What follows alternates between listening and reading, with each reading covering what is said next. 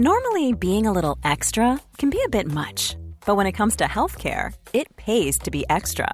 And United Healthcare makes it easy with Health Protector Guard fixed indemnity insurance plans. Underwritten by Golden Rule Insurance Company, they supplement your primary plan, helping you manage out of pocket costs without the usual requirements and restrictions like deductibles and enrollment periods. So when it comes to covering your medical bills, you can feel good about being a little extra. Visit uh1.com to find the Health Protector Guard plan for you. Say hello to a new era of mental health care. Cerebral is here to help you achieve your mental wellness goals with professional therapy and medication management support. 100% online. You'll experience the all new Cerebral Way, an innovative approach to mental wellness designed around you. You'll get a personalized treatment plan from a therapist, prescriber, or both in a safe and judgment free space. Your cerebral therapist or prescriber will outline a customized plan with clear milestones along the way so you can get to feeling your best. With Cerebral, you're not alone in your mental health journey. We're here to empower you to live a fulfilling life. So take that first step towards a brighter future and sign up today at cerebral.com slash podcast and use code ACasts to get 15% off your first month. Offer only valid on monthly plans. Other exclusions may apply. Offer ends July 31st, 2024. See site for details. Hey, I'm Ryan Reynolds. Recently, I asked Mint Mobile's legal team if big wireless companies are allowed to raise prices due to inflation. They said yes. And then when I asked if raising prices technically violates those onerous two year contracts, they said, What the f are you talking about, you insane Hollywood ass? F- So to recap, we're cutting the price of Mint Unlimited from $30 a month to just $15 a month. Give it a try at mintmobile.com slash switch. $45 upfront for three months plus taxes and fees. Promo for new customers for limited time. Unlimited more than 40 gigabytes per month. Slows. Full terms at mintmobile.com.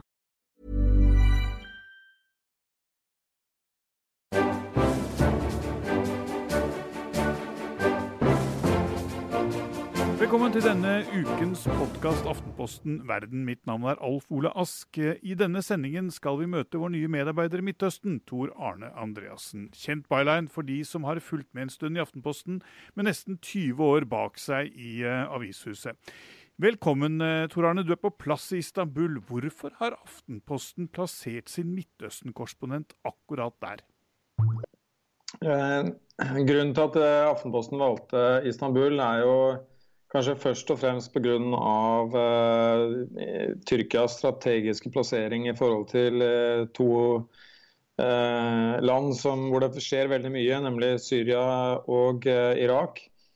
Og Dessuten så skjer det jo også mye i selve Tyrkia. Eh, og en annen ting er at det er veldig eh, enkelt å komme seg rundt i verden eh, fra flyplassen her i Istanbul. Du har debutert som korrespondent av den, sagt, med å dra til eh, Mosul. Hvorfor eh, dro du dit først? Eh, Det eh, har jo sammenheng med at eh, kampen om eh, Mosul, som altså står mellom de irakiske sikkerhetsstyrkene og eh, deres allierte, og eh, den islamske staten, eh, den eh, begynte å nærme seg eh, et kritisk punkt. Eh, Dette startet jo i oktober, eh, da eh, man eh, gikk til angrep eh, særlig i nord og øst i, Mosul. Og eh, midt i januar så hadde man da erobret hele østsiden. Og eh, 19. Oktober, nei, 19. februar eh, begynte man da eh, en offensiv mot Vest-Mosul, hvor eh, eh, bl.a. bor eh, mange flere sivile enn på østsiden. Og denne, eh, dette slaget da begynte å nærme seg eh, kan du si det et eh, kritisk punkt da man begynte å komme inn mot sentrum i eh, Mosul eh, nå i forrige uke. Og Dette er jo et avgjørende slag for Iraks fremtid og for den islamske statens fremtid. og det er klart at da, da var det ønskelig å være til stede. Og dette er jo noe som kommer til å prege den jobben i de årene du skal ha foran deg nå. Men eh, hvordan er det når du skal reise inn på et sånt område som eh, journalist? Hva slags tilgang eh, har mediene når du reiser inn med, eh, i et sånt konfliktområde? Eh, Det kan jo være vanskelig til tider eh, å komme inn i sånne krigsområder. Eh, Det vi vet eh, om eh, slaget i Mosul, er jo det at eh, det er jo nesten ingen eh, som eh, vil finne på å reise inn på den islamske staten sin side. Det har kanskje bare skjedd et par ganger at noen journalister har uh, lyktes med å få kontakt med IS og komme ut igjen. Uh, mens uh, da på den andre siden, så hos kurderne og irakerne, så er det da egentlig ganske greit å ta kontakt med de militære, de den militære ledelsen der.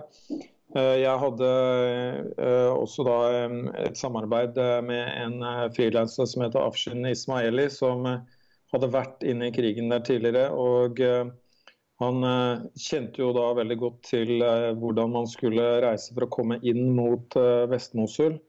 Og Da er det egentlig bare å sette seg i bilen og kjøre forbi en 15-20 kontrollposter. og til slutt så endte vi opp da inn, ganske langt inn mot eh, Vest-Mosul og traff da på disse eh, presseoffiserene, om du vil, da, som man da faktisk da har hos eh, flere forskjellige av disse styrkene som er på irakisk side, og som tar imot presse og som tilbyr enkle kår på overnatting og mat. Og, ja, for, fortell, for det, altså, Eh, når du drar inn på et sånt sted, dette vet jo ikke de fleste av våre uh, lyttere noe særlig om, uh, har du med deg all den maten, alt vannet, alle den type ting uh, du trenger, eller er det mulig å få kjøpt, og tør man gjøre det i, i et slikt område? Ja, altså, vi, vi bodde jo ca. et par mil utenfor byen, i en by som heter Hamam al-Alil. og der var det butikker som var åpne rett ved. Eh, dette var et område som også var okkupert av IS eh, inntil nå nylig. Eh, men der var det butikker man kunne handle litt sånn kjeks og, og brus og sånt. Og man kunne gjøre en deal med folk rundt der om de kunne lage mat deg. Men ellers så var det jo også sånn at de irakiske styrkene har en sånn slags sånn catering-service som uh, kjører rundt i styrkene med mat. Og det kunne vi få innimellom. Hva slags mat var det? Nei, dette var noe Ikke så mye svinekjøtt, kanskje? Nei? Nei, det var noe slags ris med eh, noe saus og noen bønner og noe slikt. Det var ikke så verst. Men, eh, og dette hun må jo ha vært en av de farligste jobbene der. For at de skulle kjøre rundt til alle soldatene som, som var med, rett og slett, med den maten. Men eh, dette med fare eh, det har et, eh, Vi har bak oss et eh, år hvor det har vært ganske mange journalister som har mistet eh, livet, ikke minst i slike, eh, slike situasjoner. Du var jo selv til stede på denne denne eh, Serena, Serena, i, i, i Afghanistan, eh, da, da, da, vår kollega fra Dagbladet mistet livet. Eh, mm. hvor, hvor, hvor, farlig er dette her?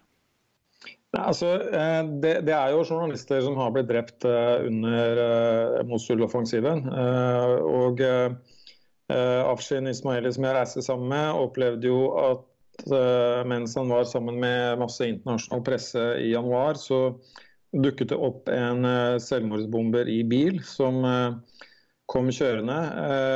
Vi traff på en av de andre som var til stede der nå, en fra Reuters. Og de diskuterte seg imellom hvor heldige de hadde vært som overlevde. Fordi at denne selvmordsbomberen han nølte med å trykke på utløserknappen virket det som eh, på dem. Da. Og eh, de rakk da å ta én spurt til for å komme seg unna, og eh, var langt nok unna da, da det eksploderte. Og, og, sånn som da, da, vi var inne i Mosul og var bare 300-400 meter fra fronten, så er det klart at det, det, kan skje ting. Det kan være at en eh, snikskytter har kommet seg et sted hvor man ikke kan forutsi forutse at de er. Og det, det kan være bombekastere som da lander eh, i nærheten av der, av der man er. Jeg, jeg var, vi var jo, ble jo selv da beskutt med, sånt, eh, med en sånn bombekastergranat som landet over 15-20 meter unna.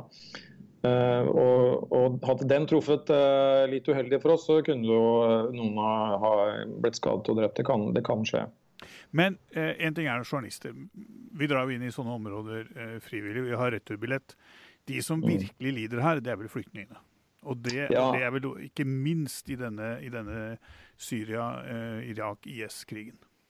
Ja, det er klart. Nå er det vel nærmere det seg en halv million mennesker som har flyktet ut fra Mosul etter at krigen startet i oktober. Bare siden 19.2 så har nest, over 180 000 eh, flyktet fra Vest-Mosul. Eh, men likevel så regner man med at det er vel en 400 000 som er igjen. Eh, og disse 400 000 befinner seg jo i en helt prekær situasjon. Da, da jeg var der inne, så traff jeg på noen av de få som var igjen i de boligområdene som vi kom inn i, hvor altså IS var jaget vekk. og i en hel gate der så var det kanskje bare seks familier som var igjen. Jeg fortalte en familie som, som vi traff på der. og eh, de hadde veldig dårlig tilgang på eh, mat. Eh, det fantes ikke noe vann i rørene. og Strøm var det ikke. og De viste oss hull i takene etter bombe, bombekasternedslag. og Eh, dette var, og dette var en bydel som var relativt forskåna fra det verste. Eh, de, den bydelen vi håpet å komme inn til, det, det, som vi hadde hørt mange flyktninger fortelle om at det hadde vært mye ødeleggelser, der, der var det for mye snikskyttere som skøyt. Eh, folkene der fortalt, som kom ut derfra, fortalte jo at de var utsatt for sterk beskyldning fra altså den irakiske hæren og deres allierte. Eh, de trodde at det var flybomber, men eh, det kan like godt ha vært artilleribeskytning, da, som vi så en del av, og ikke minst hørte en del av mens vi var der.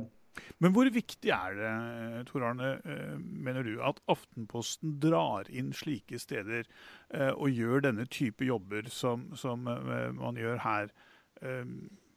Ja, nei, men altså, Det er klart at uh, det er jo andre journalister eh, på stedet der òg. Uh, F.eks. fra internasjonale byråer som man vel må regne med er dyktige folk som kan gjøre en god jobb. Men vi klarer ikke å skaffe oss den oversikten som vi klarer ved selv å være til stede. Altså, Ved å være til stede der nede så jeg, klarte jeg mye raskere å fange opp at folk uh, var utsatt minst like utsatt, om ikke mer, utsatt for fare ved denne bombingen som kom fra eh, irakerne og koalisjonen, enn fra, eh, enn fra det IS gjorde eh, på det øyeblikket. Og det er jo klart at Den typen informasjon er jo kanskje ikke sånn som, man, som tilflyter en sånn helt uten videre. Eh, mens der var vi blant flyktningene og fikk deres historier idet de kom ut. Eh, og eh, en, en, annen ting er at du får en helt annen forståelse av hvordan geografien er, hvor, hvor eh, vanskelig det kan være for de som bor der, hvor eh, krevende krigføringen er osv. Og, og, og, og ikke minst av hvor farlig det er da, ved, ved, å være der. Eh, ser man nå en ende på denne Syriakrigen? Det begynner å bli år. Den, ja, det er klart at Syriakrigen har nå holdt på siden 2011. Irak så har det jo Eh, kan man jo snakke om at det har vært krig siden 2003 nesten. Eh, selv om det nå er inn, det går litt opp og ned hvor intens den er. Men, men eh, det er jo til tross for masse forsøk på å få til forhandlinger, til tross for disse rundene i Kasakhstan osv.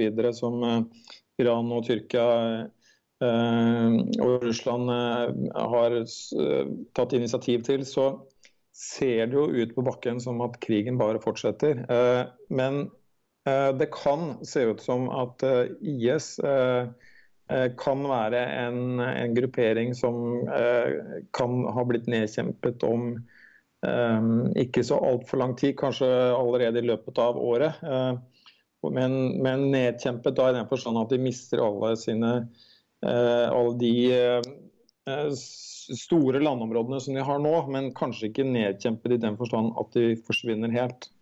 Nei, og vi har jo nylig hatt et terrorangrep i, i London. Nå skal man være litt forsiktig med å utpeke hvem som egentlig står bak det. Men selv om man nå skulle nedkjempe denne islamske staten, så er det jo ikke dermed gitt at f.eks. den trusselen som disse IS-krigerne utgjør i Europa, vil forsvinne.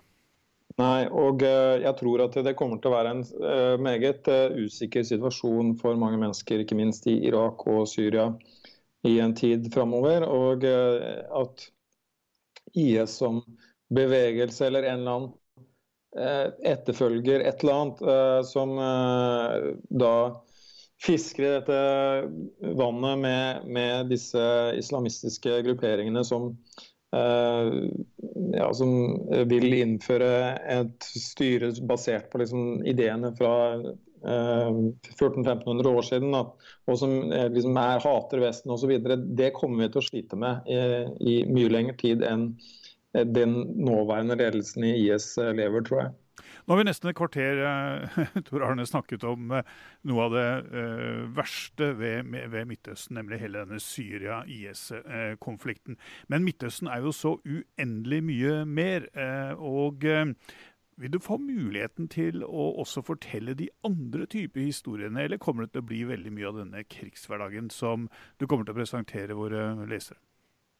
Altså, det er jo ikke til å komme bort fra at uh, disse tingene som skjer med storpolitikken, med uh, krigen som jo på mange måter da, sånn som i London nå sprer seg til Europa, at kommer til å at vi kommer til å måtte vie det mye oppmerksomhet. Men det er jo likevel, håper jeg, mulighet til, vil komme muligheter til å fortelle folk om ting som ikke har noe med det å gjøre. F.eks. så skal jeg jo forhåpentlig til Iran om, eh, om eh, noen måneder når det skal være valg der, eh, der borte. og Der håper jeg virkelig å få tid til å, å kunne skildre noe av de fantastiske tingene derfra.